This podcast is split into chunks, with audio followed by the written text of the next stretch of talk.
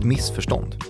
Uppgången i den amerikanska tioårsräntan skulle ju bära med sig börsras, så som den panikslagna retoriken från februari och inledningen av mars i alla fall tycktes påbjuda här under 2021. Var själva utgångspunkten verkligen sann eller bara ett skrämskott från de vars panikstinna röster fann klangbotten i okunniga öron som aldrig hört talas om begreppet sektorrotation förut? Mitt i den börsbild som målades upp som ytterst skör och osäker under den hastiga ränteuppgången i pandemins slutdel så låg de nya rekorden plötsligt bara där. Och inte bara i aktier utan också bostadsmarknader och obligationer handlades uppåt på hopp om ekonomins återhämtning från pandemikrisen. Men kunde det verkligen vara vettigt att allt blev dyrare, utom möjligtvis techaktier som nu skulle bli markant billigare? Kanske, men inte nödvändigtvis, hävdar i alla fall utrikesredaktör Joakim Rönning, som vanan trogen inför det här avsnittet av Follow the Money, som ju är en podcast om makt, storfinans och börsen, har gått på djupet med den här historien och tittat på kapitalmarknadernas samspel med recessionshärjade ekonomier på väg upp ur kriser, krig, pandemier och annat elände. Och jag, som ju heter Martin Nilsson, har väl till uppgift att undra vad som kan hämtas därur. Är det ett inflationskaos, en oändlig skuld till barnbarnen eller bara sedvanlig chockterapeutisk upprustning som för oss vidare in i ett nytt tidevarv av elände och konflikt? Hej utrikesredaktör Joakim Rönning, hur mår du? Uh, fyra av fem. Fyra av fem idag. Var ska vi börja den här historien om recessionskaos? Ja, nu blir det historia här. Jag tänkte vi skulle börja med uh, andra världskriget. Nej, till och med vi skulle börja med uh, finanskrisen 29 igen. Nej men där har vi varit flera gånger. Ja, precis. Vi ska inte prata om själva krisen, vi ska prata om att ekonomin var i en rätt sur ställning. Det var ju århundradets depression. Mm -hmm. um, och för att hantera den här krisen så fick dåvarande president eh, Franklin D. Roosevelt, eller han gick till val på snarare, att han skulle röja upp den här ekonomin. Mm. Som han tyckte då, det rör sig alldeles för snabbt i ekonomin, det skiftar mellan lågkonjunktur och högkonjunktur på fem minuter ungefär. Mm. Och det beror på att det finns en alldeles för hög grad av eh, konkurrens. Okej. Okay. Så han bestämde sig då för att gå till val på då vad man kallade för the new deal. Mm.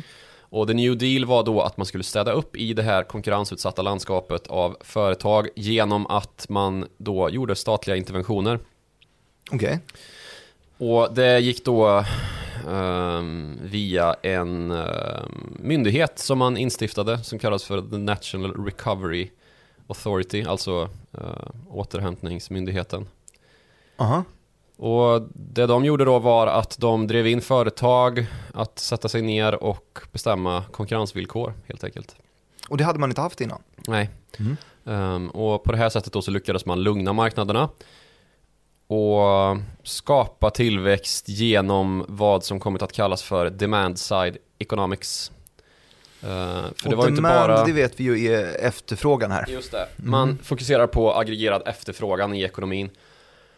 Genom att då sätta så mycket folk som möjligt i jobb mm. så att de får eh, löner att kunna spendera och handla för och på så sätt skapar man i förlängningen arbetstillfällen då genom att produktionen eh, triggas helt enkelt. Man, man förvandlar offentlig sektor till en större del av ekonomin? Ja, precis. Det är exakt vad man gjorde. Mm. Och sen så hände det ju någonting annat som var ganska betydande då i form av andra världskriget. Um, Just det. Och det är därför jag tycker det här är lite intressant då eftersom att vi nu har en cykel av, det börjar ju en ny cykel nu får man ju säga efter pandemin. Väldigt kort efter att vi har haft en väldigt stark högkonjunktur mm. så kom pandemin och försänkte ekonomierna i nära på dödläge. Mm. Um, och så har det gått väldigt snabbt upp igen ju. Så var det inte riktigt under andra världskriget. Det var ju ett väldigt långt och utdraget um, pågående krig ju. Mm. Som uh, försänkte inte bara amerikansk ekonomi utan ekonomier i hela uh, i hela världen ju. Det var ju ett världskrig ja. Det var ett världskrig. Men det, det, orsakade ju depression på många platser på jorden och inrättade nya former av, uh, ja men hela, hela nya ekonomiska system ju i förlängningen. Mm. Och om man då tittar på hur USA hanterade den krisen så var det ju att fortsätta med det man eh, tidigare slagit in på. Alltså the new deal förlängdes och man har eh, man hade då eh, ytterligare skäl då att se till att folk kom i arbete genom statliga interventioner. Och den här NRA då som, som jag pratade om, National ehm, nationella återhämtningsmyndigheten var inte mm. den enda som skapades. Man startade en massa nya myndigheter och pumpade ut bidrag då. Väldigt oamerikanskt om man tänker på idag då, hur USA ser ut ekonomiskt. Att man tänker sig USA som kapitalistiskt paradis liksom. Mm. Eh, så har det inte riktigt alltid varit. I, det här låter ju som en, om man vänder tillbaka det här till, till nationalekonomisk historia, så skedde det ju ett skifte där också vet jag, när man gick från att luta sig mot ja, den gamla klassiska ekonomin där skolan var att befinner du dig i en knivig situation som ett land, eh, kanske i en kris efter ett krig eller bara en vanlig kris, så var det kutym att man, man drog ner på, på spenderingarna och mm. man sparade och man sparade sig ur kriser. Eh, och det var väl eh, lite Um, alla gjorde så fram mm. till någonstans, antagligen där du nämner nu då. Ja, jag är ju inte lika duktig på år riktigt. Men då vänds hela, liksom, hela kartan och plötsligt så fanns det då en, en gubbe som, som heter John Maynard Keynes väl, som är en central karaktär mm. i hela den här ekonomiska historien som vände på begreppet och sa, hörni, jag tycker inte vi ska spara oss genom kriser för det gör att kriserna blir djupare än de måste vara. Istället gör vi så att vi sparar oss igenom högkonjunkturer och så spenderar vi genom kriser. Det är det som statens uppgift är. att Då passar vi på att bygga en ny järnväg för då kan man ge jobb åt folk genom statliga utgifter. Eller bygga en ny skola eller ett nytt rikshus eller ett nytt hus åt John Maynard Keynes kanske. Eller något sånt där. Och på så sätt skulle man stimulera ekonomin genom statliga medel när alla andra i ekonomin hade det tufft. Precis, att det inte finns någon liksom automatisk stabiliseringsmekanism i ekonomin utan att den måste tillföras. Mm. Och det här med att spara sig ur kriser är ju, om man tänker dumt. på det idag, ganska dumt. Just, just det här, den här Eh, liknelsen med att bromsa sig ur en uppförsbacke liksom. Mm. Eh, det insåg då Franklin D. Roosevelt och hans ekonomiska team och satte det här till verket då när eh, depressionen var, den var ganska långt gången också när han kom till makten, 32 tror jag det var. Mm. Så man brukar säga att det var hans liksom första ekonomiska paket liksom, som sen skred vidare. Så då började och, han skapa företag, statliga återhämtningsmyndigheter? Ja, precis. Och det här var ju inte helt oproblematiskt eller helt uh, okritiserat direkt. Mm. Många företag vägrade ju gå med på då att man skulle sätta sig ner med sina konkurrenter och bestämma egentligen. Uh, Henry Ford, Fords grundare, mm. uh, tyckte att det här är ju kartell bildande eh, Just det. som staten står för då. Och, Alltid jättesvårt när en statlig myndighet som har som uppgift att stimulera ekonomin samtidigt konkurrerar ut företag. För mm. det blir ju så automatiskt. Det är väldigt svårt att kalibrera en helt Precis. ny business utan att den privata sektorn ska skada. Ja, så, så Henry Ford tyckte ju då att det här kommer ju bara att göra att ekonomin blir mycket trögrörligare och det kommer premiera då skapandet av eh, Alltså zombieföretag fanns väl kanske inte som begrepp på den tiden.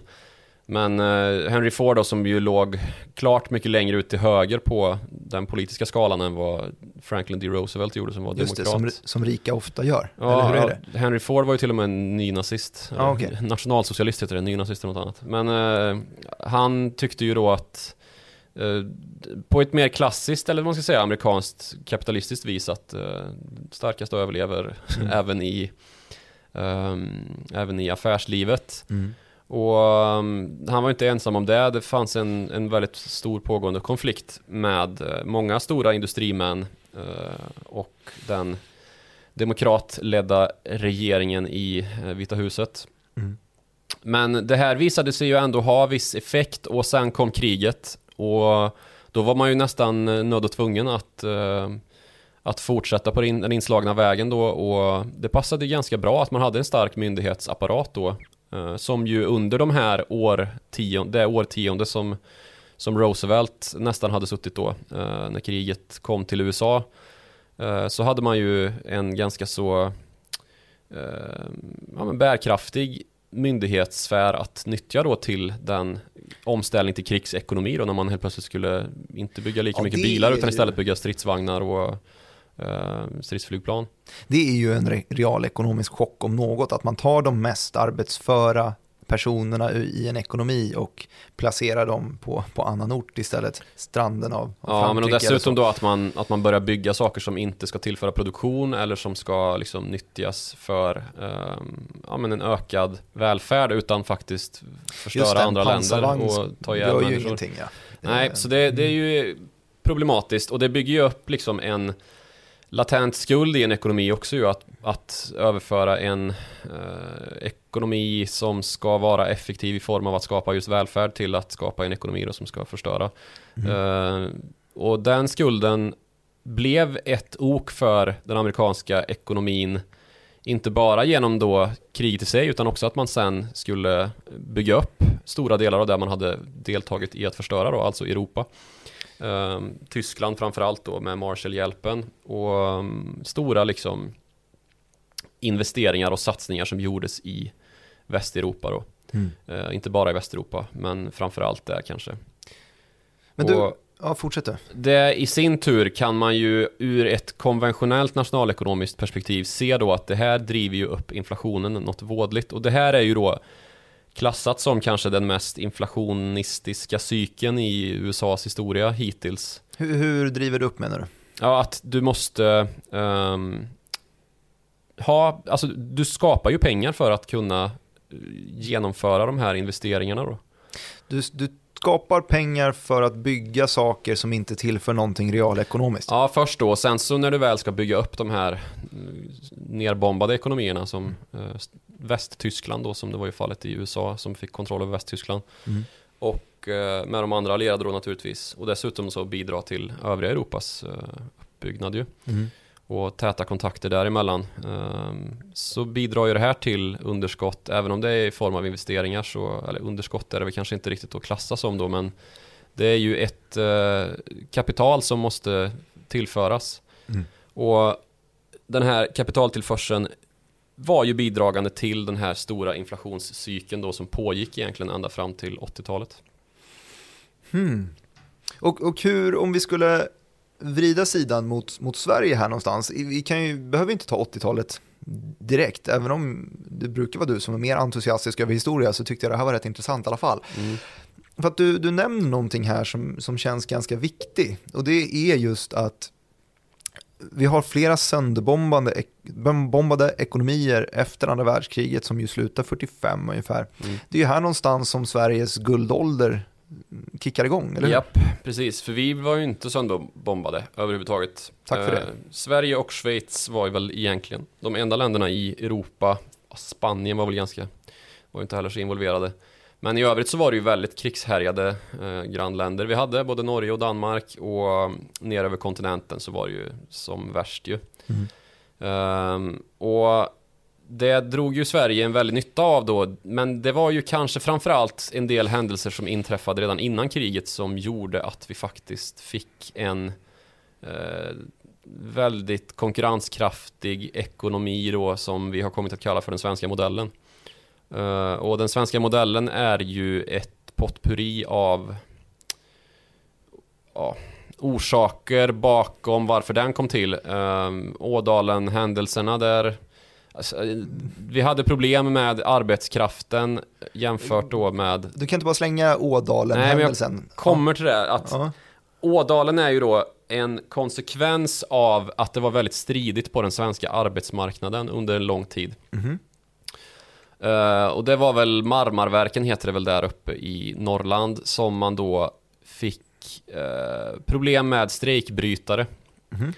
Eh, att man då, bolagen kallade in strejkbrytare som då arbetarna ansåg var illegala. Alltså de bröt ju mot deras möjlighet då att kräva bättre villkor för sitt arbete. Mm. Och det här fick, nådde då sin kulmen under en protestmarsch där fem arbetare sköts ihjäl av svensk militär. Eh, och det här har ju blivit beskrivet då som Ådalshändelserna eller skotten i Ådalen 31. Um, Det här är ju innan Franklin D. Roosevelt Ja, ens precis. Det, precis. Så, men det har, det har ju samma typ av eh, utgångsskäl, eller vad man ska säga, ursprungsskäl. Att det var väldigt stormigt i eh, näringslivet. Mhm. Och det fanns inte de här som idag då arbetsmarknadens parter och det som sen då kom till genom det så kallade Saltsjöbadsavtalet som ju egentligen är det som den svenska modellen vilar på eller till och med kan beskrivas vara den svenska modellen och folkhemsbygget under per Albin Hansson och den socialdemokratiska modell som svenska eh, Starka fackföreningar. Ja, starka fackföreningar, starkt svenskt näringsliv som förhandlar med varandra utan att staten ska gå in däremellan. Och det här med strejkbrytare har ju, var ju ett långt, alltså länge pågående problem. Ett av, alltså det första svenska terrordådet var ju i relation till en, ett strejkbrott där vi hade eh, det så kallade Amalthea-dådet som eh, man sprängde en båt där det bodde strejkbrytare någonstans i, Mm. jag vet inte vart det var, någonstans i södra Sverige. Så det, det här, är- det här är, det var ju ett helt annat liksom spelfält då som, som inte gäller längre eftersom att vi då fick till det Så som... att vi fick ordning på. Saltsjöbadsavtalet tror jag skrevs 1938 Mm. och sen dess så har det ju varit den svenska modellen då som har gällt och Ah, med vissa förändringar men, men ändå vi har ju en mycket mer internationellt präglad arbetsmarknad idag såklart och det ruckas ju upp lite grann i de här reglerna och ifrågasätts men princip, grundprincipen ligger fast liksom att det är svenskt näringsliv och eh, de stora fackförbunden som, som reglerar hur eh, arbetsmarknaden ska se ut. Men då menar du att eh, vi hade vår, vår arbetsmarknadsskit redan innan andra världskriget kickade igång. Vi, det var som mest tumultartat ehm, i samband med att The New Deal kablades ut av Franklin D. Roosevelt och sen så hade vi tecknat ett avtal som heter Sjö- Saltsjöbadsavtalet där 1938-39 så inleds ju det andra världskriget och sen Ja. så när det här har dammats av, ungefär då så har vi hittat Precis. fyllt ut vår nya kostym som Ja. är Saltsjöbadsavtalet och så står vi redo för att eh, ja, förse virke till spillrorna söderut. Ja, stål. Eh, det gjorde vi redan under kriget också ju, åt båda håll. Mm. Vi försåg tyskarna med stål och eh, de allierade med eh, trä, stål. Okej. Ja, så, men eh, det, det var ju väldigt gynnsamt då att vi hade våra liksom eh, Vi hade en rätt bra hand då, en rätt bra giv när, när väl grannländernas ekonomier skulle börja byggas upp. Eh, och den svenska beredskapen också avtog eh, kriget tog slut naturligtvis. Så, så det var ju ett väldigt gynnsamt bräde som stod framför oss. Mhm. Och dessutom då så har ju vi slagit in på samma väg som egentligen Roosevelt kan man väl argumentera för med just att vi hade väldigt starka socialdemokrater under lång tid. Och det var ett väldigt bra eh, för sin tid fokus då på att man skulle ha en stark eh, en stark offentlig ekonomi och eh, grunda mycket av den välfärd som vi ju faktiskt fick efter andra världskriget eller under och efter andra världskriget på just den, den grundvalen om folkhemmet som Per Albin Hansson dömde, döpte det till och som vilade till grund, på grund ja, på grunden då som bestod av Saltsjöbadsavtalet och svenska modellen. Just det, eh, men sen så, sen så sket det sig där också ju. För sen så, sen så, om vi spolar fram så har vi ju ett par, par fina år. 50, 60 Ja, och när vi var typ 70. världens bästa land eh, Ja. sett till levnadsstandard och så vidare. Men det har vi inte varit på ett tag nu. Nej, det Nu har är vi vi inte. jävligt mediokra.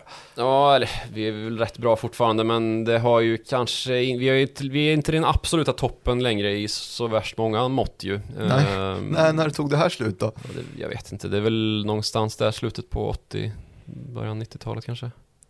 Finanskrisen, 92. Ja, kanske är någon typ av skiljelinje. Mm. Och vad, nu, det här är intressant, det, jag tycker det är kul. Men, eh, men vad, vad vill du komma? Nej men jag, jag vill kanske backa tillbaka lite grann till det internationella och börja prata om eh, det som blev liksom slutet på den här enorma inflationscykeln som vi ju trädde in i då eh, egentligen med The New Deal då och Franklin D. Roosevelt och som sen ska man säga accelererade eller eskalerade efter kriget när man skulle ta vara på sitt, liksom, sina krigsårsunderskott.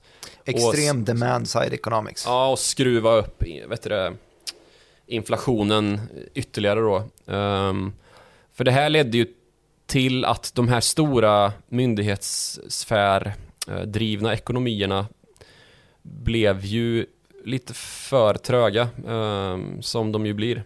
Mhm.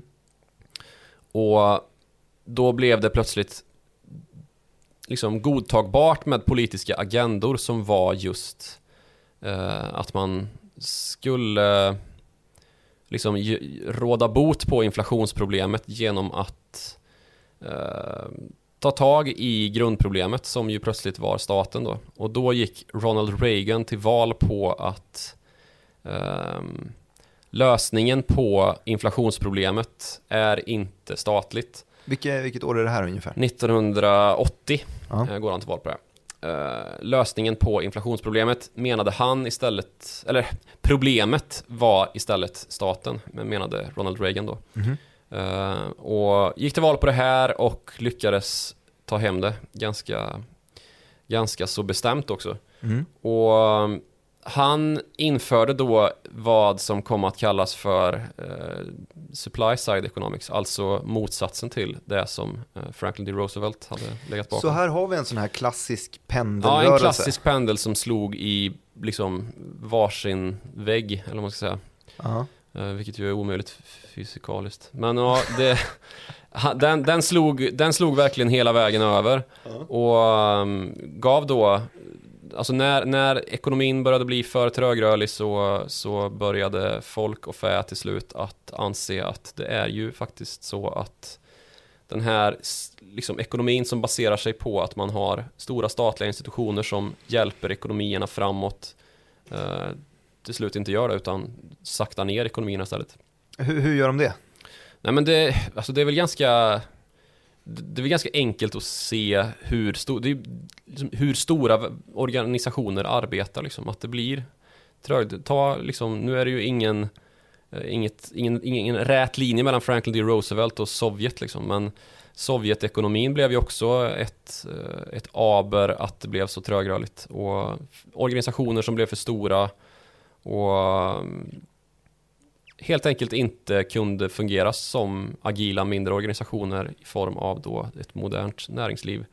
Man plötsligt så slutade man att växa, i alla fall lönsamt, och Ja, förlitade precis. sig mer och mer på, på statligt stöd och eh, saknade innovationskraft. Just det, och det, det här begreppet zombieföretag ligger inte så långt borta heller, men då kan man nästan prata om att det var i fråga om zombiemyndigheter Mm. som eh, var med och drog i olika eh, sektorer då. Det har vi ju fortfarande liksom rester av att vi har eh, högt statligt ägande i vissa länder liksom. Mm. Finns det någon myndighet som du vill snacka skit om? Nej, inte myndighet, men alltså vi har ju fortfarande en, eh, ett, ett högt ägande av staten i vissa sektorer här i Sverige också. Energi bland annat, där vi har eh, Sverige, svenska regeringen äger ju Vattenfall till exempel. Just Vi det. har gruvan LKAB uppe i Kiruna. Ja, så det, det är ju inte ett helt, eh, liksom, det är ju inte helt liberaliserat eller vad man ska säga än. Så hur yttrar det sig sen då? Ronald Reagan går till val på det här och vill snarare då minska den offentliga sektorn. Antar jag Ja, minska... det, man ska ju kanske gå in på det då. Då handlar det ju om att öka det, aggregera, det aggregerade utbudet i ekonomin. Eh, och det, till, till skillnad då från demand side economics, där det som sagt handlar om att man ökar den aggregerade efterfrågan då. Så eh, ska man nå tillväxt genom Ehm, skattelättnader för de, de rika. Eh, man ska därigenom stimulera investerande och eh, på så vis då eh, och även, även eh, de rikas konsumtion och på så vis då skapa den här trickle down economics effekten som ju kommer härifrån. Mhm, eh, Den har man ju snackat mycket om på senare år också ju. Ja, precis. Eller hur, hur pass exakt dålig den var. Ja, ehm, och ja, det, det här är ju väldigt, blev ju redan då väldigt kritiseras, kritiserat och det är det ju fortfarande. Eftersom att det, liksom, det överskottet som de rika får i sina förmögenheter, eller den, den liksom utvidgning som de rika får i sina förmögenheter, går ju inte rakt av till ehm, konsumtion naturligtvis. Mm. En, en rik person behöver ju inte liksom, äta mer eller ehm, liksom, köpa mer bensin än en lite mindre rik person. Så att det är det. ju inte ett ett till ett förhållande där i hur, en, hur konsumtionsmönstren förändras då om man är rik kontra inte rik. Uh, finns en risk att pengarna då som investeras i rika läggs på hög. Mm. Uh, lite som pengarna som investerades i offentliga företag också lades på olönsamma aktiviteter när offentliga sektorn var för stor. Precis. Betyder det här att en mellanväg är, är utopin enligt utrikesredaktören? Ja, mm. det är korrekt. det är korrekt. Uh, ja, det är korrekt. Och det går ju aldrig att få ett, ett maxsystem liksom. Det tror jag är att gapa efter lite för mycket. Men det är helt uppenbart i alla fall att det här blev ju inte bra varken eller. Alltså varken supply side economics eller demand side economics är ju särskilt perfekt liksom.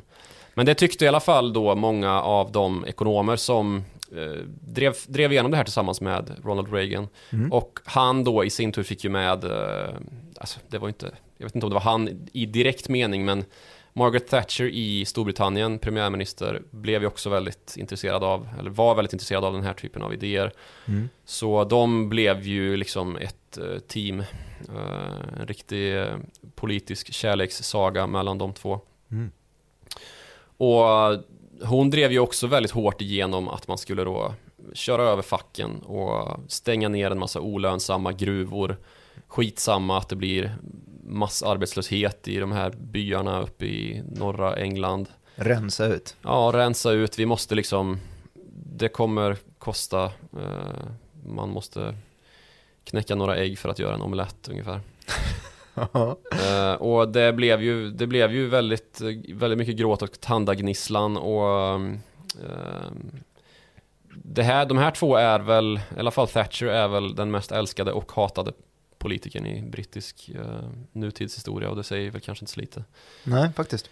Men du, eh, nu har vi målat upp två stycken olika läger här. Demand side economics som kickades igång av, eh, av Frank D. Roosevelt eh, som ville då helt enkelt stimulera igång ekonomin genom att förstora den offentliga sektorn. Och sen så har vi den andra pendeln som då kickades igång sådär en 50 år senare eh, genom, genom Ronald Reagan och Reaganomics då eh, som ville stimulera ekonomin fast åt andra hållet istället. Förminska den eh, offentliga sektorn och göra den privata sidan större. Göra rika människor rikare och trickle down economics. Vad har vi för, eh, för koppling till idag? Eller tänker vi komma dit? Ja, så småningom. Eh, Ja, men jag, jag tycker väl att det är intressant då att man eh, tar upp Ronald Reagan och Reaganomics som det ju kom att kallas det här med supply side economics. Och alltså det, det är väl, som sagt, det är inte liksom hans idéer i grund och botten. Det är ju väldigt mycket av det här som går hela vägen tillbaka till Adam Smith. Mm. Och det är ju någonting som liksom drivits med i århundraden också, alltså stora Boysen. poeterna. Mm. Jonathan Swift har ju ett väldigt det är väl världens mest kända satirartikel. Ja, vad skriver han?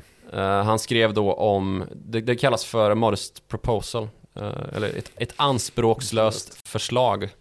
Uh, hela, hela rubriken är väl ett anspråkslöst förslag för att hindra fattigas barn från att bli en börda för sina föräldrar eller landet och göra dem nyttiga för allmänheten. Och det går ju då ut på egentligen att man ska bara tillaga barnen, sälja dem och tillaga dem så att de rika kan äta dem.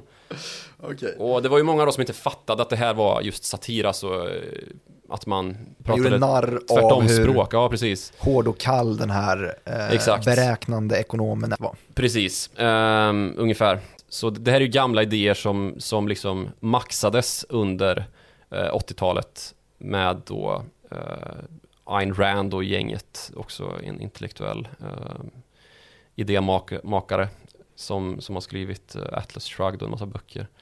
Så det här, är ju, det här var ju i mångt och mycket ganska så extrema ideologiska yttringar som faktiskt fick liksom genomslag i ett årtionde som var präglat av väldigt hög inflation, väldigt höga räntor och eh, instabilitet i dollarsystemet. Mm. Det fann ju verkligen en, en klangbotten att man då helt enkelt gjorde någon typ av chockintervention liksom i form av både Reaganomics i, USA och då Thatchers eh, finanspolitik. Att man helt enkelt sänkte skatter från rika och skulle liksom också eh, höja räntorna för att bekämpa inflationen och samtidigt tro på att det skulle leda till återinvesterande och höjd efterfrågan. Mm. Det funkade ju inte riktigt men det visste man också. Det var en provocerad lågkonjunktur som man skapade då för att kunna ta itu med de här vad vi idag skulle kalla för zombieföretag då. De här gruvorna i norra England till exempel som, som inte... Eh, vad har vi för roliga exempel på zombieföretag idag då? Jag tänk, tänkte på en sak som vi har tagit upp i podden tidigare nämligen, för du nämnde det här med eh, att man har när man förstorar offentlig sektor så tänkte jag direkt på ett flygavsnitt som vi gjorde för jättemånga veckor mm, sedan. Mm. Då pratade vi nämligen om, eh, om två stycken företag, Boeing som är amerikanskt och Airbus som är, som är franskt. Båda företagen är väl definitionen av zombieföretag för att de skulle inte överleva själva. De båda lever på ett på subventioner på ett eller annat sätt. Mm. Eh, men så finns det den här patriotiska tanken att man då inte vill Låter man Airbus gå i stöpet så betyder det att då kommer Boeing ju ta all marknadsandel på hela jordklotet, tänker man. För det var väl de här två, nu ser det inte riktigt ut så idag längre. Det finns väl små andra som gör flygplan. Knappt alltså. Det är fortfarande typ de som ja, dominerar. De köper ju upp de andra liksom. Exakt. Och då låter man då Airbus gå i stöpet så kommer Boeing ta över allt och då kommer det bli extremt lönsamt, för det är ju extremt lönsamt att vara monopol. Men eh, man vill inte riktigt komma dit, så att istället så står de här eh, företagen och bara stampar. Båda förlorar pengar år efter år efter år, subventioneras av staten och som företag har skapats. Är det det som eh, Ronald Reagan ville, ville städa upp? Ja, det kan man säga. Och det, det, lyckades ju i ganska så stor utsträckning. För liksom den här provocerade lågkonjunkturen gjorde ju slut då på den stagflation som man hade hamnat i. Mm. Eh, alltså hög, hög ehm, inflation och samtidigt en stagnerande ekonomi, alltså låg sysselsättning och produktivitet. Just det, det var ju ett samband man inte riktigt hade sett förut. Nej, Tidigare precis. hade man tänkt att en hög inflation, det betyder att ekonomin går på högvarv och då betyder det att det är väldigt många som är i arbete. Men ja. när de här båda sker samtidigt, då blir man jätterädd och så ja. hittar man på ett nytt uttryck. Så det här var ju då 81-82, sen så efter 82, alltså för han blev då invald 81, Reagan. Mm. Sen 82, efter 82 när man hade liksom tagit den här eh, chocken lite grann, så började ju inflationssiffrorna klättra neråt ganska så hastigt och ekonomin började expandera igen. Men här såg vi då istället en väldigt trist, eh, in, vad ska man säga, en, den svaga löneutvecklingen i arbetsstyrkan eh, blir liksom Just det, det konsensus sig istället. Att, uh, att trickle down economics inte tricklade ner i Nej. samma takt som Och samtidigt så började ju Wall Street svälla mot en, en riktig börsboom. Det är ju här vi fått sådana härliga kulturyttringar som Greed for a lack of a better word is good, som man sa, Gordon Gecko. Du syftar på den, den filmen kanske? Ja, vad heter ja. den inte Wall Street? Jo, men det gör den väl? Ja. Wolf of Wall Street? Nej. En annan film? Det är en senare. Nej, men det, samtidigt då så, så stagnerade ju medelklassen och den rikaste procenten började samla på sig allt mer på de här tio åren som, som Ronald Reagan var aktuell som, eh, vad ska man säga, hans Reaganomics verkade fullt ut då om man ska ta 80-talet som hans eftersom att han satt 81 till 89. Mm. Så ökade då eh, förmögenhetsansamlingen för de rikaste, den rikaste 1% med 100%, alltså de dubblade sin andel av ekonomin. Mm. Eh, eller förmögenheten i ekonomin då. Eh, och det, ja, det får ju sina konsekvenser naturligtvis för den politiska debatten framåt. Eh, och det startade ju framförallt en debatt som har pågått ända fram till våra dagar. Och det är just därför jag tycker det är intressant då att ta upp just 80-talet som en eh, period som man tillsammans med The New Deal och eh, det som Reaganomics faktiskt gjorde upp med som ett intressant, en intressant utgångspunkt för där vi står just nu. Ja, men eh, häng med mig på lite, du snackade nämligen fysiska lagar någon gång när jag nämnde en pendelrörelse här. Ja. Mm. Så att om vi är högst upp till höger i pendelrörelsen här när eh, FDR, alltså Franklin D. Roosevelt, lanserar the New Deal, och sen så pendlar den över hela vägen upp till vänsterkanten och det är där vi nuddar Ronald Reagan och Reaganomics. Enligt de här fysikaliska lagarna då så blir pendelrörelsen hela tiden mindre. För det tog 50 år mellan D. Roosevelt och Reagan. Mm. Så blir pendelrörelsen allt, allt mindre och mindre ju mer den pendlar. Betyder det att det har gått tillräckligt lång tid för att säga att Donald Trump, som ofta har jämförts med eh, Ronald Reagans Reaganomics, mm, blir en pendelrörelse till Bidens eh, The Green New Deal och den typen av stimulanspaket. Mm, precis, det här är ju intressant då att jämföra just eh, Ronald och Donald. Mm. För inte nog med att de ju har en väldigt liknande bakgrund så, alltså i form då av att Ronald Reagan var ju en Hollywood eh, En Hollywood-skådis innan han blev politiker Mitt i Wall Street-filmen? Nej. Nah, nej. nej, inte riktigt. Fel där Nej, han var väl mer en uh, western, okay. western tv-stjärna. Just så uh, På den tiden. Mm -hmm. Näst, uh, svartvit tv-stjärna. Mm -hmm. Och gick till val på en kampanjslogan som var Let's make America great again. Känns det igen eller? Ja, det känns, just det, han förkortade den sen. Ja, den andra, så Donald. kom Donald och ja. gjorde samma sak fast nästan Lite catchigare. Tog bort en, ett första ord. Ja. Det är ju dessutom exakt samma team typ som har lyft fram Paul Manafort, den, eh, nu vet inte, han var väl en av de som blev benådade Som var kampanjchef för Donald Trump och som sen hamnade i fängelse på grund mm. av skattebrott och lite sådana där grejer mm. Uh, han var ju också med i det, den kampanjstab som förde fram Ronald Reagan och det var också Roger Stone, en annan. Men hur, hur gamla är de här snubbarna? Ja, de är väl i 70-årsåldern nu typ. Okej. Okay. Uh, eh, flamboyanta herrar som uh, var ganska så trigger-happy, liksom deras då presidentvalskandidater mm. Ronald och Donald. De är ju också väldigt liksom, ganska likt hur Ronald Reagan blev emottagen av eh, säga mediavärlden. Mm. Särskilt då i, i Europa och i New York där det är mer demokratiskt och liberalt sinnat. Att man eh, skrattade ut eh, honom, precis som man gjorde med Donald Trump. Eh, media och liksom välutbildat storstadsfolk var väldigt eh, negativt inställda och mest gjorde narr av dessa båda herrar ju. Eh, fanns då väljarna i samma typ av, om du säger att eh, storstadsfolk och välutbildade, det är ju inte den målgruppen som Donald Trump har lyckats Nej, men det är ju, alltså, så är det ju för Republikanska partiet i sin helhet egentligen. Mm. Att det är ju eh, landsbygds eh, rösterna som, som tas in till, till dem då. Mm. Uh, och det var, var ju någonting som Donald Trump verkligen lyckades med, att piska upp en helt ny gräsrotsrörelse i Republikanerna. Det var väl lite samma med, med Ronald Reagan, även om han, man kan inte riktigt jämföra rakt av det, för det finns ju väldigt stora skillnader. Uh, Ronald Reagan var ju politiker innan han blev uh, president. Det mm. var inte Donald Trump. Han var ju helt politisk, vad ska man säga, uh, grön när han kom in i Vita huset egentligen. Han hade ju bara kört en presidentvalskampanj. visst, han hade liksom gjort något försök tidigare, men, men han, han var ju inte politiker. det var däremot Ronald Reagan, han hade suttit som guvernör i Kalifornien i åtta år.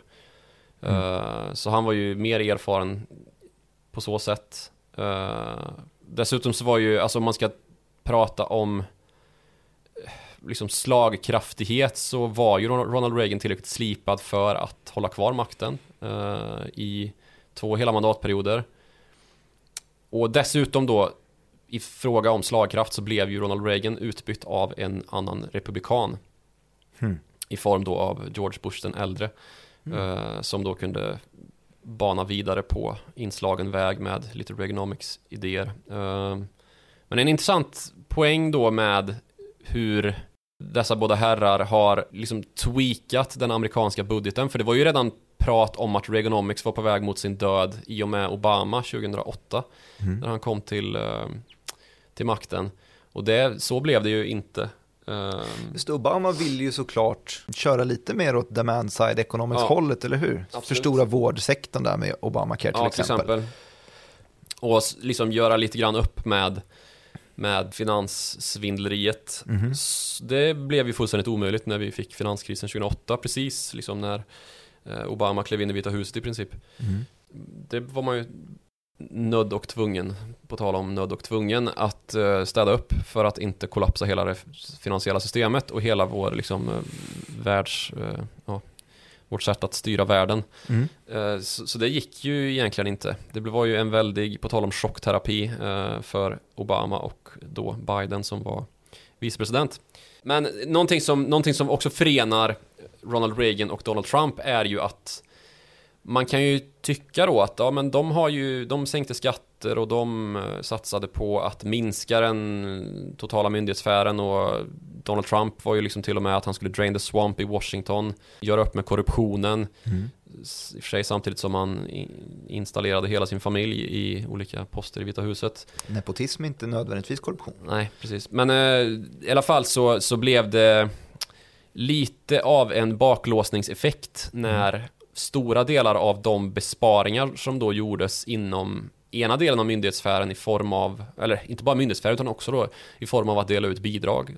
När det mesta av det man drog in på sen lades i en och samma utgiftspost. Kan du tänka dig vilken det kan vara? Nej, vilken kan det vara? Militär, mm. såklart. Försvar.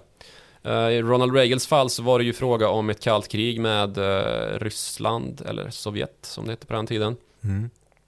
Och att försöka nå fram till någon form av lösning var det han som stod och skrek Mr Gorbachev? Ja. Tear down that wall. Tear, tear down that, this eller that wall. Var ja. skrek han ju. Ner skulle den i alla fall. Ner skulle den. Och det här var ju faktiskt, man kan kritisera det här väldigt mycket naturligtvis. Att uh, man liksom visst bidrog till att upprätthålla någon sorts tillväxt genom att kanalisera in pengar då i försvarsbudgeten. Uh, det här ledde på ett sätt till att USA tvingade Sovjet att spendera lika hög andel eller högre andel av BNP i, i just eh, försvaret och det kunde man ju till slut inte. Mm. Så det var ju en anledning en till att... race kapprustning Ja, precis. Och det, blev, det var ju en av anledningarna till att uh, Gorbatjev till slut fick ge med sig, alltså mm. Sovjets uh, ledare. Så det var väl bra kanske. I don't know. Mm.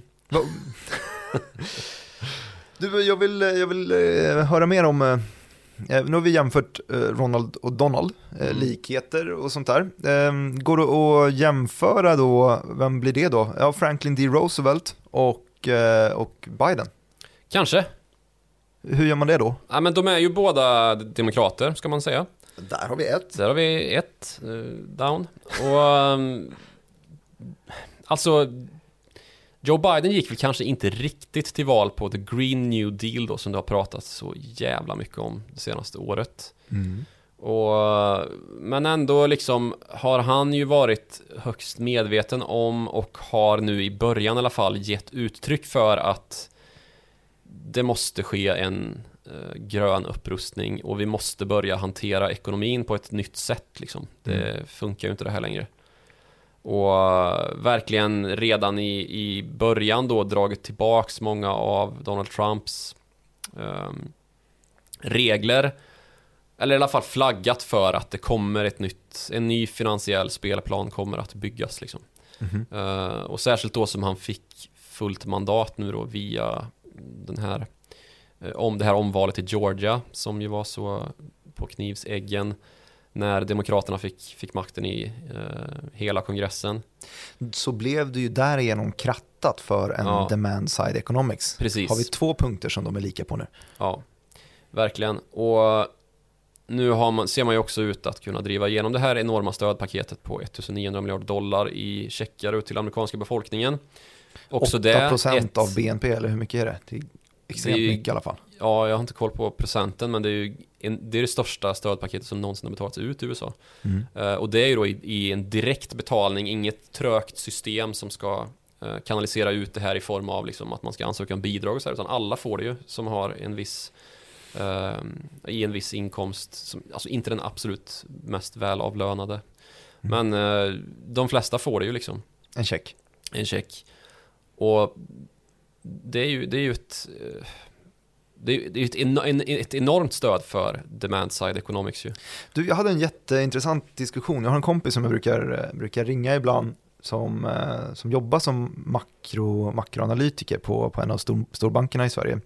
Eh, och vi brukar diskutera just sådana här grejer, var, var, inflationen kan ta vägen och så vidare. Och så eftersom att vi känner varandra sedan väldigt länge så, så tillåter vi varandra att vara ha hybris helt enkelt. Men en grej som han då hade visat, som han uh, hade målat upp var en graf som visar lite grann var pengarna kan ha fastnat. Han pratade då om att det har varit extremt mycket stimulanser av den här typen, av de här 1,3 trillion dollars, 1,9 trillion dollars Mm. eh, paketet, stimulanspaketet som kommer ut via, via checkar. Eh, Så var ju då den eviga frågan som både du och jag har ältat i våra, våra finansprogram, Trading Direkt på YouTube. Eh, Så har vi frågat gammelekonomer och nyekonomer, var är inflationen? Varför, varför syns inte det här? Om man trycker så pass mycket pengar, vi snackar under 2020 så är ju det, vad sa vi, 24% av, eh, av money supply i dollar är, är gjord under 2020, alltså Ja, typ en fjärdedel, en femtedel. Ja. Ehm, ja, nu är det inte mer som jag sa under 2020. Jaha, ja. Ehm, så alltså en, en fjärdedel eller möjligtvis en femtedel av alla amerikanska dollar skapades under Ja. 2020 har vi ältat. Var har de pengarna tagit vägen? Jo, och så kollar man lite grann på hur det ser ut bland privatkonsumtionen. Så någonting som spikade i samband med att de här stimulanserna trycktes ut, trycktes igenom i systemet, är sparkvoten hos amerikaner. Sparkvoten har alltså skjutit i höjden på ett sånt abnormt sätt att det är helt, man, förstår ingenting. Och det är så extremt korrelerat med den här typen av av en GameStop-rörelse vi har sett, där liksom människor som aldrig har rört börsen förut, de, de kommer dit. Varför? Jo, för att ekonomierna är ju nedstängda. Om du trycker in pengar på folks bankkonton, men de har ingenstans att spendera det, då blir det ju att man går till börsen. Mm. Och då blir ju då sen frågan, någon gång i framtiden så kommer ju de här pengarna, de kommer ju vilja använda dem, man kommer ju vilja köpa sin Lambo, det är det man är sugen på. Eh, och det är då en fin bil för er Ja. som inte gillar det. det är du och Jan, Jan Emanuel. Ja, vi vill ha sådana. Ehm, då, kommer det, då är inflationschocken där i så fall, när man då drar pluggen ur, när man öppnar upp ekonomierna igen, det är då man först kan använda dem. Håll- Håller du med någonting om den här, den här bilden som målats upp? Eller det kanske du inte ens måste göra, men... Ja, i men jag fall- kan bara göra vissa noteringar. Ja. Om man tar till exempel då länder som har kommit i olika faser i alla fall väldigt långt med ehm, Israel. Israel till exempel, Nya Zeeland, Mm. så, så har vi inte sett den effekten. Folk har fortsatt spara. Ja, eller inte liksom gjort över med det här överskottet på en gång i alla fall. Okej. Det här, spa, det här sparade kapitalet har inte liksom flödat ut i någon direkt mening. Och det kan väl i mångt och mycket bero på då att, och det gäller i Sverige också, eh, vi har ju kanske inte fått några liksom stödcheckar som amerikanerna fått. Men eh, vi har ju haft i regel ganska goda inkomster. Det har varit permitteringar, det är ju en form av stöd liksom staten står Mm, för. ja. Eh, och, och vår konsumtion har ju således inte drabbats uh, sådär jätteenormt som det hade blivit då om företag istället hade fått lägga ner och folk hade fått gå arbetslösa. Så det finns Du ju en liknande det- effekt att, att, att, att dra av även här i Sverige och i övriga ekonomier som kanske inte har drabbats så stenhårt som man hade gjort om man hade helt låtit det löpa på och låta företagen gå i konkurs då. Mm. Eh, om vi ska stanna kvar i det här bidragsscenariot. Och, men men det, det har inte varit den radikala effekten som man kanske hade kunnat förutspå då i de här länderna som har kommit långt eller som har klarat sig väl som Israel och Nya Zeeland. Det låter som att det är samma typ av feltänk som personen som försökte sig på trickle down economics. Ger man pengar till någon som redan har allt så kommer man inte spendera allt på en och samma gång. Ja, Du precis. menar att inkomsterna fortsatt komma. Det är inte så att man är jättehungrig när ekonomierna plötsligt går ut och så käkar man på restauranger tio stycken på samma timme. Nej, precis. Det är ju en, en liksom väldigt påtaglig, ett väldigt påtagligt feltänk att man då, att det är svårt att aggregera efterfrågan, alltså aggregera som att spara efterfrågan och Mm. dämma upp efterfrågan så att det sen ska liksom, när den väl lossnar så lossnar allting på en gång och så kommer, kommer det vara ett enormt överutbud. Visst att det kommer säkert vara fullt på restaurangerna i sommar, men som sagt, folk kommer inte sitta och äta tio middagar. Nej, så. det är inte det enda stället där det där är sant, det är i Heinz ketchupflaskan. Det dyker ut på, på en och samma gång. Ja. Du, men du, det var ju ett litet sido, sidosnack. Vi Mm. snackade om eh, Franklin D. Roosevelt mot, eh, mot Joe Biden. Vad, eh, vad heter han i mellannamn förresten? Om vi har tre stycken bokstäver för Franklin D. Roosevelt, vad har han? J. B. Justin Bieber? Jaha, Ju- Joe Biden. Ja, Han heter Robinette tror jag. Rob, Robinette? J, JRB får det bli. Eh, Demand side economics snackade vi om i alla fall. Eh, var ska vi ta det här vidare, vilken typ av demand side economics snackar vi om i det här fallet? Vilka, om vi vill ha, ha lite mer ekonomi och börskoppling i det här? Ja, då kan man väl börja prata lite grann om vad de här två olika supply side economics och demand side economics implicerar då för eh, implicerar, vad de tyder på för börsutveckling. Mm. Och närma oss det här med sektorrotation som ju har varit så in i helvete på tapeten senaste åren egentligen. Mm. För det har ju varit ett enormt liksom, snack om att snart kommer sektorrotationen, snart kommer sektorrotationen, men den kommer ju aldrig. Men den kom ju här om veckan eller? Precis, nu så pratar ju alla om att ha, det kom den ju. Uh, så som det brukar vara. Det känns lite grann som det brukar göra när en börs uh, krasch kanske är att ta i, men när en börsnedgång kommer, att de här inflationisterna kommer fram eh, och värdeinvesterarna kommer fram och säger Ha! Jag sa ju det hela jag tiden. Jag kommer göra det så hårt. Kommer jag, göra. jag har varit pessimistisk sedan 2012. Ja, det händer ju varenda gång som börsen går ner 5-10% mm. så är det folk som bara, ja, jag sa ju det här. Ja. Jag sa ju det här. Ja, fast sen du sa det så är börsen upp med 70%. Ja, just det. Mm.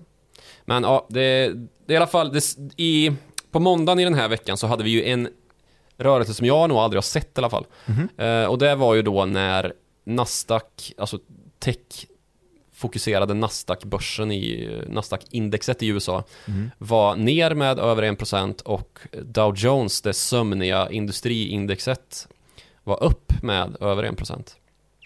Det är ju spännande. Alltså en diff också... på 2 procentenheter då i eh, indexen. Mm. På samma... Det, det, illustrerar ju också en, en jäkla indexproblematik. För att man, man refererar ofta till börsen och sen så kan det lika ja. gärna vara Nasdaq eller Dow Jones eller S&P 500. Ja, man ska Men väl kanske använda S&P 500 bara. För det är det breda och det stora liksom. Men, ja. det, det, ja.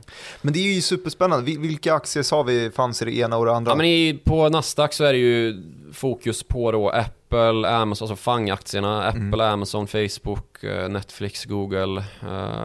Det finns också liksom Tesla, det finns uh, ja, men allt, allt IT och technära. -huh.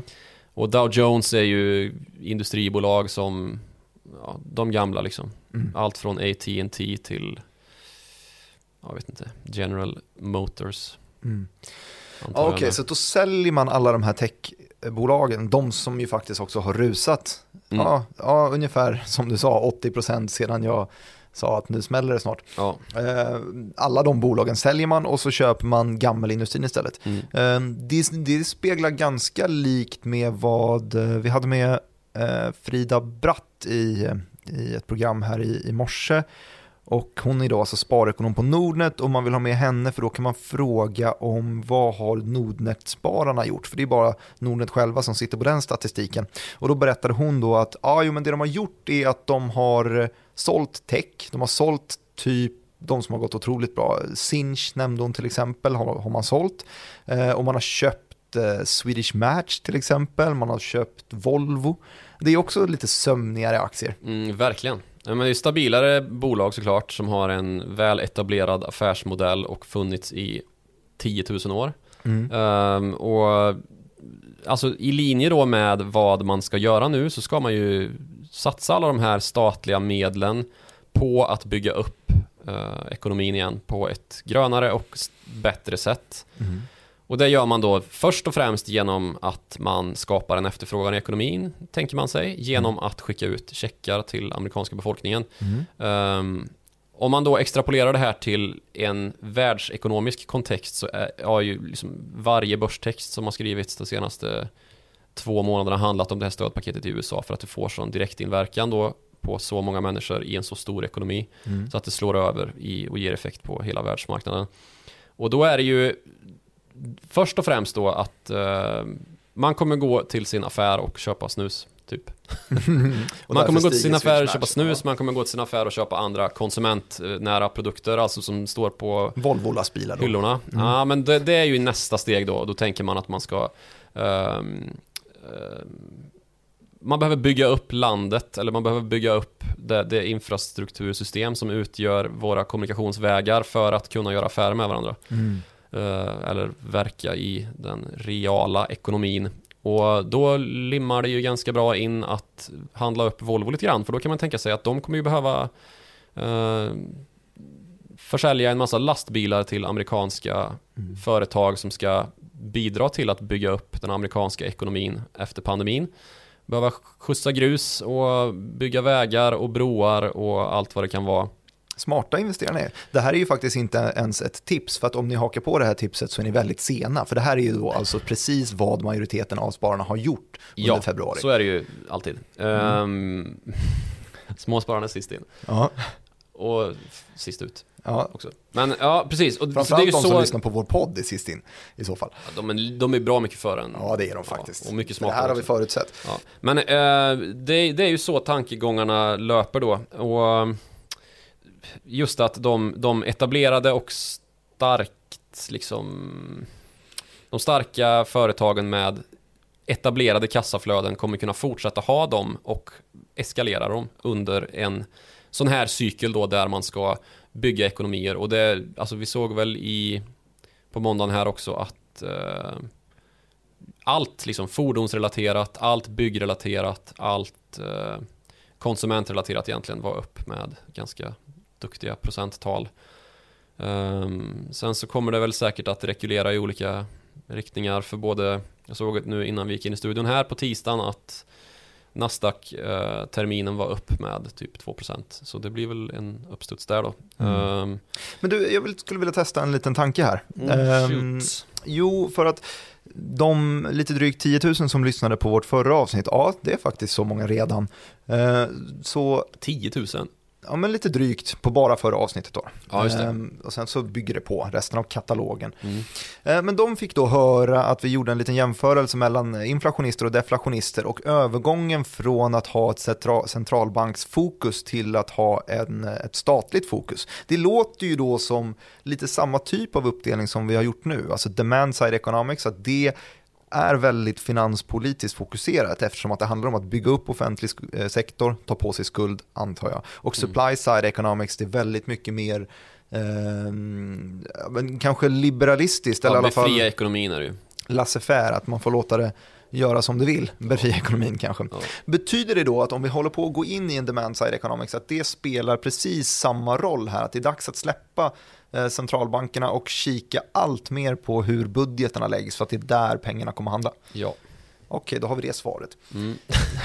Jo, men det är klart att det är så. Och nu är det ju fortfarande ett läge där vi inte, det går inte att jämföra nuläget helt rakt av med någon tidigare epok på grund av det här centralbanksexperimentet som vi står fortfarande mitt uppe i. Mm. Um, så som jag sa i någon tidigare podd här att vi kommer ju inte bara liksom eh, ögna igenom eh, räntesättande rådets protokoll framgent för att hitta ledtrådar till vart räntan är på väg i, från Federal Reserve naturligtvis. Men det kommer bli ett väldigt mycket större fokus på finanspolitiken mm. och um, hur den implementeras och hur det går helt enkelt.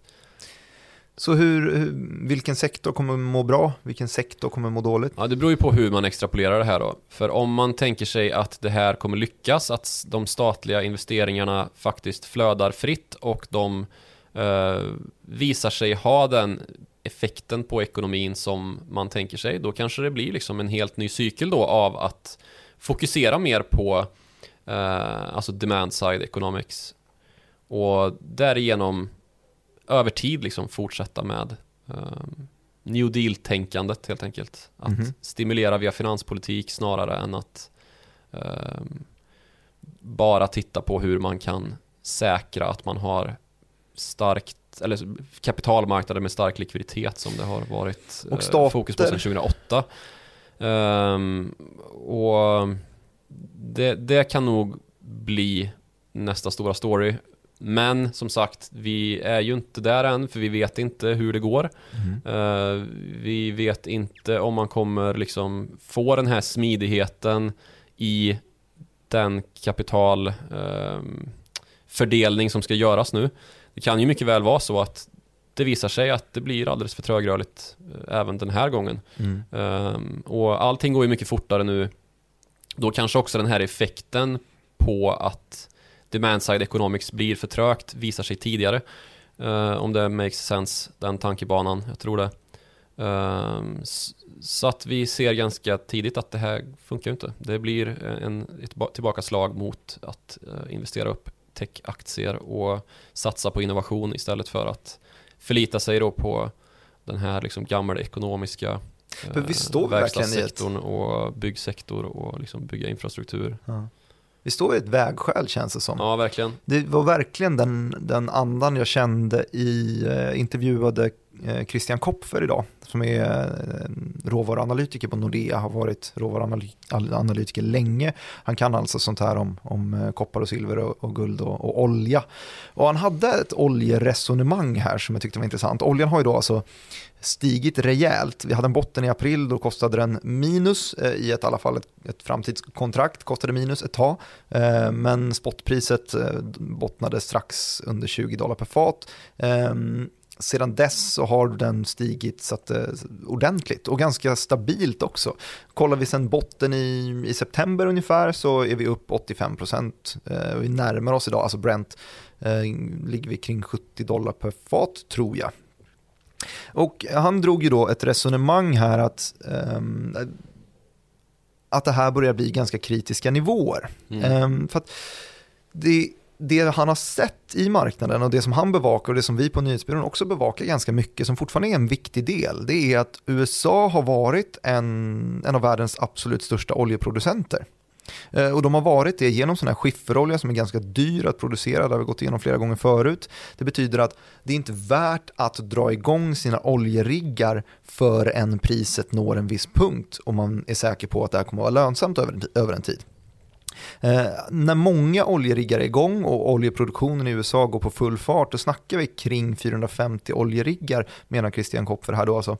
Och idag, hur många är, är vi igång? Vi är inte ens hälften där. Vi är kring 200 som är igång, men vi börjar närma oss ett pris där det är lönsamt för i princip varenda rigg att dra igång. Och här är vi då vid det här vägskälet. Kommer USA dra igång den här klassiska oljeproduktionen? Kommer de se hur Texas hade blackouts, rolling blackouts och tänker jag, hörru vi måste, vi måste lösa det här, vi kan inte låta personer dö som det faktiskt var i det här fallet. Det var mm. ju flera väldigt tragiska historier på hur människor helt enkelt dog för att det inte fanns elektricitet, man frös ihjäl. Jäkligt sjukt. Eh, kommer man då helt enkelt låta dem dra igång de här oljegrejerna och satsa på oljan igen, för, som det ju blir. För att så fort man drar igång en, en rigg och satsar fullt ut, då tänker man ju mer långsiktigt än bara näs, nästa vecka.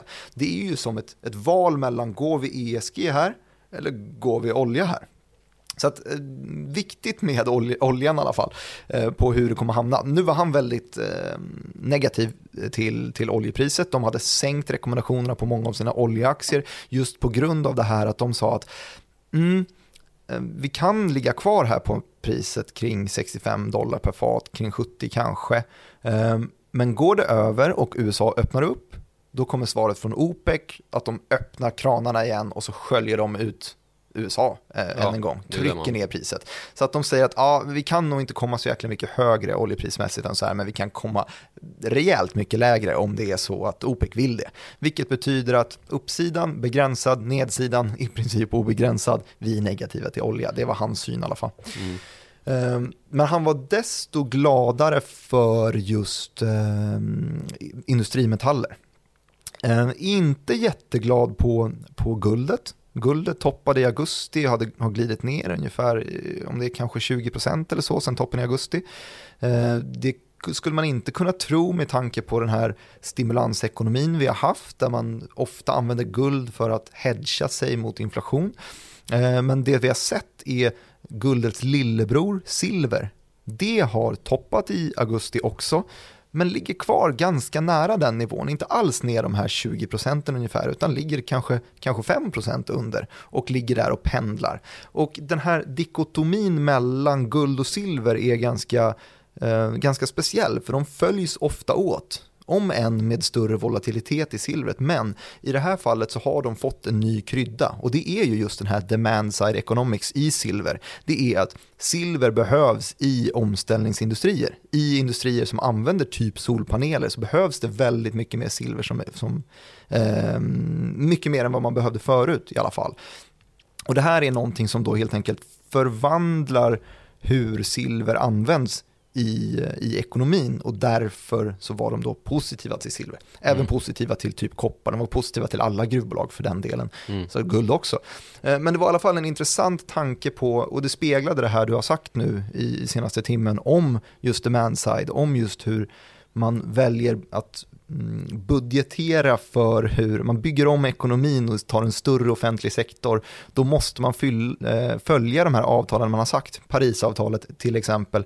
Eh, och då kan man inte satsa på olja utan då satsar man på sånt här och då kostar vad det kosta vill så kommer demand side economics trycka upp eh, då till exempel silver eller den typen av metaller som används i, i ESG. Mm. Menar inte jag utan Christian Kopfer. Mm. Cykliskt. Väldigt cykliskt. Mm, väldigt cykliskt. På tal om cykler så tänkte jag, det känns som att vi lovade lite grann i inledningen av programmet att jag hade gjort eh, någon sorts historisk research. Har du gjort det? Ja. Vad har du gjort? Jag har kollat på um, hur USAs långränta korrelerar med aktier. Nej. Mm, det har jag faktiskt. Um, och jag kan konstatera, just utifrån då att nu ökar räntorna men börsen går också upp. Vad är det som pågår? Kan mm. det överhuvudtaget ske? Det var ju det alla sa att det var ju livsfarligt här för någon vecka sedan bara. Mm. Och då konstaterar jag att ökande långräntor i USA år 1987 som ju var ett år med hastiga börsuppgångar, sen en kris och sen ganska så höga värderingar igen under Ronald Reagans ledning. Ja, eh, då korrelerade aktiemarknaden absolut med um, uppvärdering i aktiemarknaden. Mm. Tills krisen kom. Uh, jag konstaterar också att ökande räntor 1994 korrelerade inte med aktiemarknaden.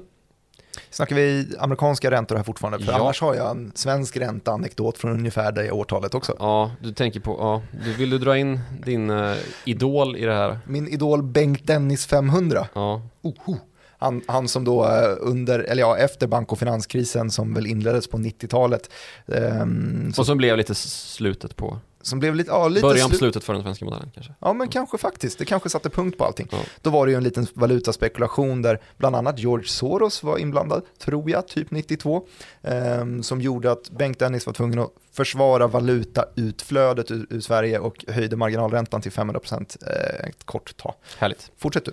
Uh, 94, som sagt, korrelerade inte hög, ökande amerikanska långräntor med aktiemarknaden. 99 korrelerade de med aktiemarknaden till och med millenniebubblan mm. som ju var vid millennieskiftet där. Mm. 2013, 2014 så korrelerade det också med aktier och eh, även 2016, 2018 korrelerade det med aktier. Och ska vi gå allra närmst då så eh, 2016, 18 som sagt.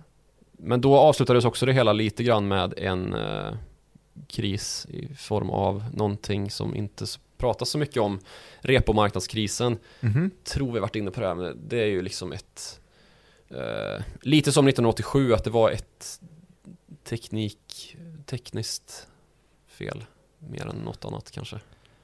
Ja, utvecklar du i så fall? Nej, jag orkar inte det. Okej. Okay. Men eh, att det, det, så svaret är ju liksom att nej, det behöver inte vara så att bara för att äh, långräntorna går upp så, så går börsen ner. Helt klart det kan vara ganska okorrelerat också. Ja, men samtidigt då så kan vi också notera att många av de eh, epoker när både långräntor och börsen har gått upp har slutat i ett jävla elände. Hmm. Är det där vi rimmar ihop, äh, ringar in det här ja, avsnittet? det som ju började med, ska man säga, the new deal efter att äh, Franklin D. Roosevelt klev på efter 29-krisen och du sa att han tog makt 1932 kanske. Mm. Mm. Eh, och det här var ju då i en kris där som, som kickades igång 29 sa jag. Eh, och där var det ju då speciella saker som behövdes i den här krigs och krisekonomin så han stiftade väl demand side economics enligt eh, John Maynard Keynes teorier lite grann, eh, tror jag. Ganska mycket till och med. Ganska mycket till och med. Och det här gjorde ju då att man stimulerade ekonomin genom att växa den offentliga sektorn. Man byggde nya järnvägar och anställde folk för att bygga dem. Man byggde nya vägar i, i det stora och man eh, kanske startade Boeing, vad vet jag. Eh, det gjorde man nog inte där. Men det blev ett zombieföretag. Sen så drog vi det här till den svenska modellen istället och började med strejkbrytare i Ådalen fick du in. Ja, eller Amalthea tror jag var ännu tidigare faktiskt. Okej. Amalthea-dådet. Mm. Eh, Det, det, det var säkert tidigare. Men det i alla fall mynnade ut i ett Saltsjöbadsavtal som du sa skrevs 1938. Kommer jag. ihåg. Eh, och i det här Saltsjöbadsavtalet, det var då man gjorde facken eh, lite starkare. Och det här är ju också lite i stil med demand-side economics kanske. Eh, Sen så gled vi in till den andra sidan av pendeln. Från att man har försökt eh, förstora den offentliga sidan så har man helt enkelt vänt på klacken och försöker stimulera ekonomin genom att stimulera den privata sidan. I USA så var det Ronald Reagan som drog det stora lasset för att komma dit. Det här var under 80-talet och Reaganomics eh, myntades väl. Och det här lutade sig inte mot John Maynard Keynes idén om att stimulera genom offentlig sektor utan man som sagt eh, kickade igång ekonomin på andra sätt. Och det var en trend som spred sig i världen. Även Margaret Thatcher körde samma typ av upprensning, för det är ju den här lite kalla, lite beräknande typen av ekonomi som eh, ideologi i alla fall som de körde efter. Så att de rensade upp väldigt mycket av så kallade zombieföretag, alltså företag som inte klarar sig på egen kraft utan som behöver det statliga stödet eller annat stöd, som till exempel Boeing och Airbus. Och det här var då, då hade supply side economics myntats med tanken om att det skulle trickle down och hela världen skulle bli bättre. Sen så började du prata om likheter och skillnader mellan Ronald och Donald eh, och det övergick snarare till likheter och skillnader mellan Franklin D. Roosevelt och Joe R. Biden. Eh, där... Robinette, han heter det. Han heter Robinette, Mm. bra. Eh, där myntades också, eller myntades, där snackade vi väldigt mycket om the new deal som FDR höll på med och the green new deal som Biden höll på med. Och vips så var vi tillbaks på sidan demand side economics som ju då handlar om att stimulera ekonomin genom att bygga upp den offentliga sektorn. Och det gör man lite grann genom eh, att eh, investera i sånt som kan ställa om till en grön ekonomi. Det är där green kommer in i The Green New Deal. Och därför snackade vi då om att det här har varit positivt som vi sett för ESG. Eh, den typen av fonder har ju gått otroligt bra. Det har också gått bra för metaller och jag drog ett resonemang som Christian Kopfer hade dragit, råvaruanalytiker på Nordea. Eh, och jag drog också ett litet resonemang om oljan. Och oljan är ju alltid viktig att ha i baktanken när man pratar om ESG, för det är lite motsatser motsättningar där. Och inflation också, också väldigt... Ja, inflation har vi också pratat om. Och sen Ja, så, men det är, olja är väldigt viktigt i inflationssammanhang just det, det är det faktiskt. fortfarande. Eh, och sen så apropå inflation så pratade du med dess kusin som ju är ränta eh, och hade jämfört hur aktier agerar vid ränteuppgångar. Om de korrelerar eller inte. Och kom inte fram till någon Ja, beständig slutsats. Eller att, ja, det kan vara korrelerat. Det kan vara korrelerat. Vi har i alla fall sagt, sett en sektorrotation. Eh, Vi har konstaterat att vi står vid ett vägskäl och vi har konstaterat att jag kommer ropa, jag sa ju det, om det blir kris. Yes. Eh, tack så mycket för att ni har hängt med och lyssnat idag. Jag som pratar heter snabel Direkt-Martin på Twitter och eh, utrikesredaktören, honom hittar ni på snabel Joakim Ronning. Och oss båda hittar ni genom att mejla och det kan man göra till followthemoney.direkt.se Eh, skriv vad ni tycker, klicka tumme upp där det går, klicka tumme upp och ha en superfin vecka så hörs vi igen nästa onsdag.